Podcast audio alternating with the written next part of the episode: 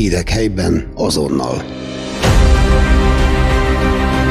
Aktualitások, életmód, közélet, múlt és jelen Fejér megyéből. Feol Podcast. Mert ismerjük egymást. Bafi Katával beszélgetek, aki útnak indult a Himalájába, hogy meghódítson egy több mint 6000 méter magas hegycsúcsot, egészen pontosan az Island Peak-et, ami 6189 méter magasan áll, bár voltak korábban magas hegyi élményei, és úgy fogalmaz magával ragadta ez a világ és ezek a kalandok, mégsem volt benne biztos, hogy el kell indulnia a Himalájába.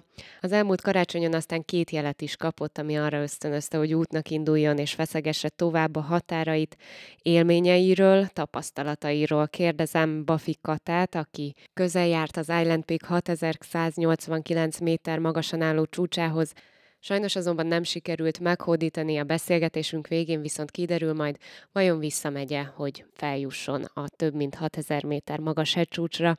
Kezdjük az elején. Honnan indult a te történeted? Mikor kezdtél el érdeklődni a mászás iránt? Igazából hat évvel ezelőtt elmentem ugyanezzel az egyesülettel Teidére. Az 3700 méter volt, és már az is ilyen magas hegyi az volt az első magas hegyi élményem, az teljesen spontán jött, és ott megtetszett, hogy mm, ez a magas egyen járó kihívások, és igazából már ott én onnantól kezdve vágytam, úgymond, ott rákaptam az ízére, és onnantól kezdve azt éreztem, hogy így minél feljebb és, és feljebb. És akkor azóta voltam még egyszer az Atlaszon, ami 4200 méter volt, és akkor most így éreztem, hogy ez a következő lépcső. Melyik egyesület volt ez pontosan? Ez a Makase, ez a Magyar Kaland és Sport Egyesület. Milyen élményeket szereztél azon túl, hogy a, rákaptál az ízére? Mik voltak azok az élmények, amik tovább lendítettek téged a, a mászás felé? Ezt nehéz megfogalmazni igazából. Én is, én is gondolkodtam rajta, hogy mi az, ami vonz benne. Tehát én magam se se pontosan tudom megfogalmazni, azon kívül, hogy persze ezek a dolgok, hogy szeretem a természetet, szeretek kint lenni. Mindig is sportoltam, tehát szerettem az ilyen sport, sportokat, kívásokat. Ezen kívül tényleg a, annyi, ennyit tudok mondani, hogy, hogy így a, a, azzal a, a magas hegyi magas egyi kihívásokat. Tehát, hogy ez az oxigén nélküliség, illetve az ottani más körülmények, ugye ilyen kicsit nomádabb környezet, más kultúra, ez úgy, úgy mind az egész úgy, úgy magával ragadt.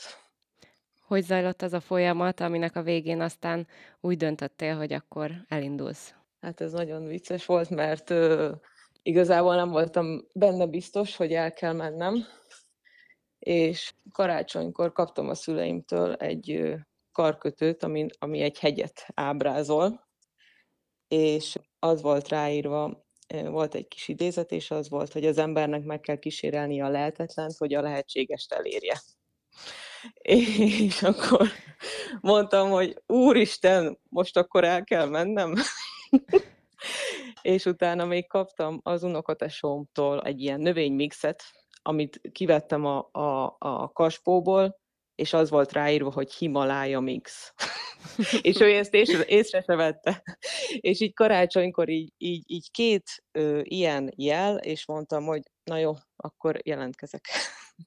Addig kétségeim voltam, és akkor jelentkeztem is. Addigra már megfogalmazottak benned tervek is, hogy, hogy milyen tervekkel indulsz útnak? Igazából nem. Nem, nem voltam sose olyan túltervezős nem, nem, konkrétan nem. Igazából csak élvezni akarom az életet, és kihasználni a lehetőségeket, úgyhogy így ennyi, ennyi volt, nem több.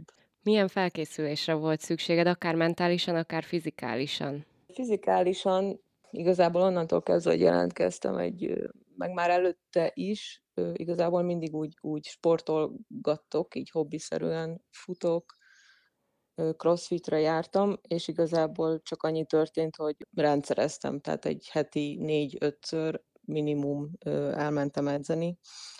Azt tudtam ugye az előző magas hegyi élményekből is, hogy nem azt mondom, hogy bármilyen fizikai állapottal nem, nem lehet oda menni, de hogy nem, nem azon múlik. Hát a mentális felkészültségen is, amit, amit amit így én leegyszerűsítve annyira, annyit mondanék, hogy, hogy akarod vagy nem. Tehát, hogy én iszonyatosan akartam. Én annyira akartam, hogy tudtam, hogy, hogy felmegyek, bármi legyen is, ha a mentőhelikopter hoz le, de én, én addig megyek, amíg, amíg vissza, vissza lábam. Úgyhogy az én mentális felkészültségem igazából annyi volt, hogy, hogy tudtam, hogy mire számítok, mire számíthatok, mert voltam előtte már magas legyen, tudtam, hogy nem lesz könnyű, és tudtam, hogy ezzel együtt akarom ezt az egészet. Hogy zajlottak az indulás előtti utolsó napok? Például arra gondolok itt, hogy mi mindent kell bepakolnod egy ilyen útra ahhoz, hogy semmiből ne legyen hiányod, akár olyanok is, ami egy laikus számára teljesen elképzelhetetlen, hogy arra szükség van. Nem is tudom, hogy amit, amit nehéz elképzelni egy laikusnak. Egyébként mindenre ugye 21 napra kellett bepakolni, és igazából Hát egy pár hónapon keresztül szereztem be a dolgokat ugye külföldről, innen-onnan, hogy olyan minőségű dolgokat tudjak megszerezni jobb árérték arányban. Én, én se, vagy én sem mondom magamat egyébként nem laikusnak, szóval én is segítséget kértem másoktól, akik ebben jártasabbak. Hát igazából, ami, ami ilyen speciálisabb volt, és én is most szereztem meg így életem első ilyen merinói gyapjú cuccaimat, aminek az a, az a titka, hogy így több napig lehet hordani, úgyhogy hogy igazából nem, nem büdösödik rá az emberre.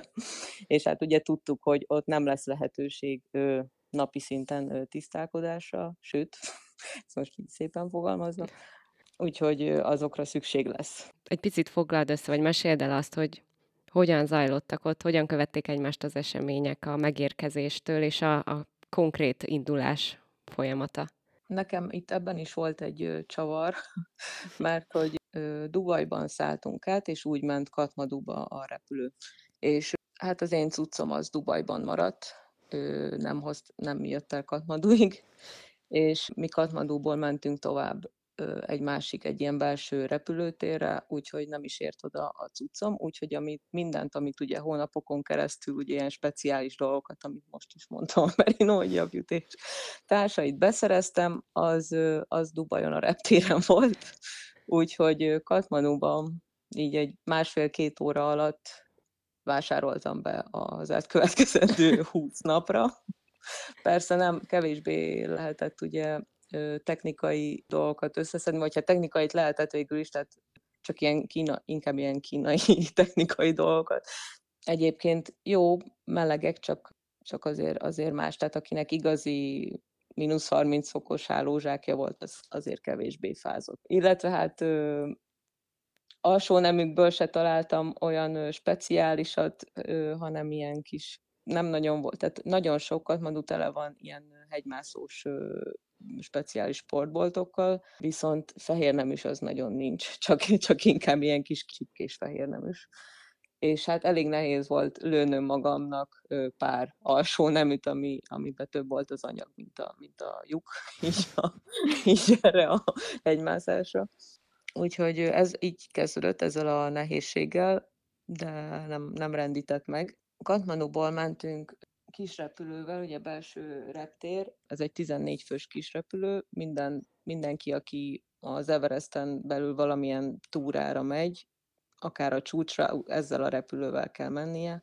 Ezt nevezik egyébként a világ legveszélyesebb repterének, úgyhogy folyamatosan voltak izgalmak. Persze ezt is ö, ö, halasztották a repülőnket, mert, ö, mert hogy olyan vihar volt, hogy nem lehetett leszállni utána, mikor mégis elindulhatunk, akkor is mi hát olyan vihart kaptunk odafönt, hogy ott mindenki úgy gondolta, hogy már annyira nem fogunk leszállni, vagy hogy le fogunk szállni, de, de hogy tehát nagyon nagy, tehát ott volt az első, én amikor ott először láttam a, a fehér fényt az alagút végén, az volt az első olyan alkalom.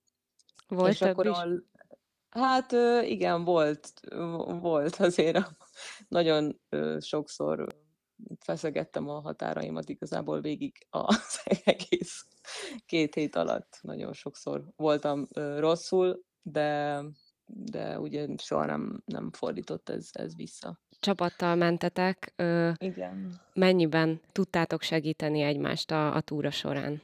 Szerintem abszolút nagyon, nagyon jó kis csapat jött össze mindig, amikor odaértünk egy szállásra délután, akkor hát az elején még, amikor jobb kedvünk volt, akkor, akkor még kártyázgattunk, többet beszélgettünk, később már kevésbé, de akkor is nagyon, tehát ilyen, ilyen fekete humorral így elütöttük a, a szenvedésünket, úgymond. De nagyon jó, nagyon jó csapat jött, összesegítettük egymást. Ilyenkor például a szállásokon találkoztok más csapatokkal is? Abszolút. Az összes szállás igazából ö, tele volt. Legfőképpen indiaiak voltak egyébként, tehát magyarokkal talán egy, egy, egy magyarral találkoztunk, de ő is ilyen romániai magyar volt. Nem sok olyan helyen voltam még külföldön, ahol nem találkoztunk magyarral indiaiak voltak nagy részt igazából, ugye Nepálnak a Nepál határos, ők járnak oda úgy gyakrabban. Egészen pontosan meddig jutottál? Hát először is felmentünk az alaptáborba, az 5364 méter volt ez az Everest alaptábor, és akkor lejjebb jöttünk egy kicsit, ott a csapat ketté vált, voltak, akik hazamentek, és mi négyen mentünk feljebb egy másik útvonalon, ami az Island Peak lett volna a 6200 méter. Hát ott egy összesen azon a napon így 16-17 órát mentünk, és a rossz időjárás miatt vissza kellett fordulni, hát ilyen megközelítőleg 5900-6000 méter körül kellett visszafordulnunk, annyi hó esett, hogy a, hogy a guide igazából nem látta a, az utat, mert pont ilyen kis, ilyen kis havas átjárók lettek volna, és nem lett volna jó, ha egy gletszer hasadékba lépünk, úgyhogy vissza kellett fordulnunk. És aznap pont nem is volt senki, tehát csak mi voltunk négyen, plusz a két guide. És akkor utána már nem tudtátok következő napon megpróbálni újra? Sajnos, sajnos nem ez volt a baj, igen, hogy nekünk ez úgy olyan úgymond feszített tempójú volt, tehát minden nap meg volt, hogy, hogy mennünk kell tovább, mert hogy úgy, úgy érünk le, úgy ma meg volt ugye a repülőnk hazafelé. Akikkel ott a táborban ö, lent aludtunk, ők például el se indultak, nekik valószínű volt egy nap ráhagyva, vagy kettő, vagy nem volt meg még a repjegyük se. Nekünk sajnos muszáj volt, tehát ö, igazából vagy megpróbáljuk, vagy meg se próbáljuk, és, és nem megyünk, de már igazából mondta a guide is, hogy ö, hogy nem lesz, nem lesz könnyű, ha egyáltalán valameddig eljutunk. Az elszántság az érződik belőled, de hogy élted meg azt, hogy, hogy vissza kellett fordulnod, és nem volt mm. akkor lehetőséged a, a javításra, vagy az újra próbálkozásra? Hát, iszonyatosan nehezen, jól, jól gondolod. Úgy voltam vele, hogy már tényleg előtte nagyon sokszor már nagyon, tehát mire oda jutottunk, nem is tudom, 12 vagy 13. nap volt, és ez volt a legkimerítőbb nap, és én annyi erőt még sose éreztem magamban, mint, mint ezen a napon, mikor a csúcsra mentünk. Egyszerűen teljesen elvakultan így csak mentem előre, és hát mikor megtudtam, hogy vissza kell fordulni, akkor hát, hát potyogtak a könnyeim teljesen, és amikor visszaértünk a, a táborba, akkor ott volt egy izraeli fiú, akivel többször találkoztunk már, ő egyedül jött, és ő nem, neki nem volt meg a repjegye visszafele például, úgyhogy ő nem is indult el aznap. És kérdezte, hogy mi a baj, hát mondtam, hogy nem, nem jutottunk fel. És akkor mondja, hogy de hát a hegymászás az ilyen. Hát mondom, igazad van. És valahogy megnyugtatott ez, a, ez az egy mondat abban az állapotban, hogy, hogy igaz, ez ilyen. Csak hogy az ember ilyen messzire jön, ennyi mindent feltesz úgymond egy lapra, és ennyin múlik, hogy, hogy, hogy este akkora hó esett, hogy vagy hát este, hát éjfélkor indultunk, úgyhogy este hatkor feküdtünk le, úgyhogy pont az alatt a, az idő alatt így annyi hó esett, hogy, hogy igazából keresztbe szőtte a, azt a tervet, vágyat, álmot, ami, amire készültem fél éve megálmodoztam róla már régóta. Volt benned félelemérzet bármikor, akár ennél a szituációnál? Akkor, talán akkor volt a, a legkevesebb. Tehát az tényleg, tényleg már így most józan észre, hogy nem vagyok el, elvakulva, és nem ott állok. Így már tudom, hogy nagy hülyeség volt, akkor a guide a guide az benne, benne volt, mert ő tényleg, hát ott már a végén egy ilyen nem tudom, hát fél óra alatt haladtunk 10 métert szerintem, mert, mert úgy egyesével rakosgatta a jégcsákányt, hogy most hol nem süllyedünk el igazából, vagy hol nem szakad be alattunk a, a hó. Ott nagyon sokat kockáztattunk, és többször is megkérdezte, hogy, hogy biztos? Mondtam, hogy biztos. Ott volt előttem a csúcs igazából, hát légvonalban körülbelül, nem tudom, 500 méterre se talán. Mondta, hogy ha elérjük a, hegy, a, a csúcsnak az alját, akkor, akkor is még három óra felfelé.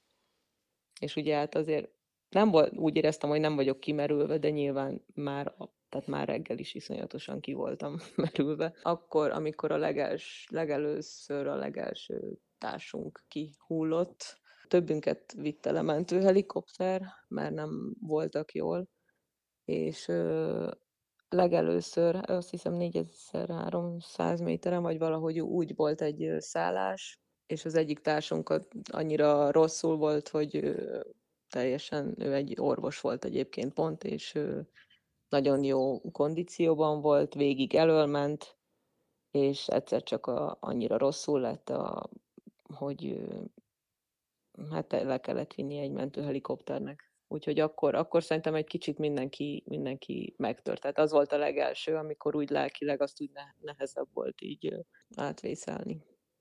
Akkor, akkor, akkor féltem.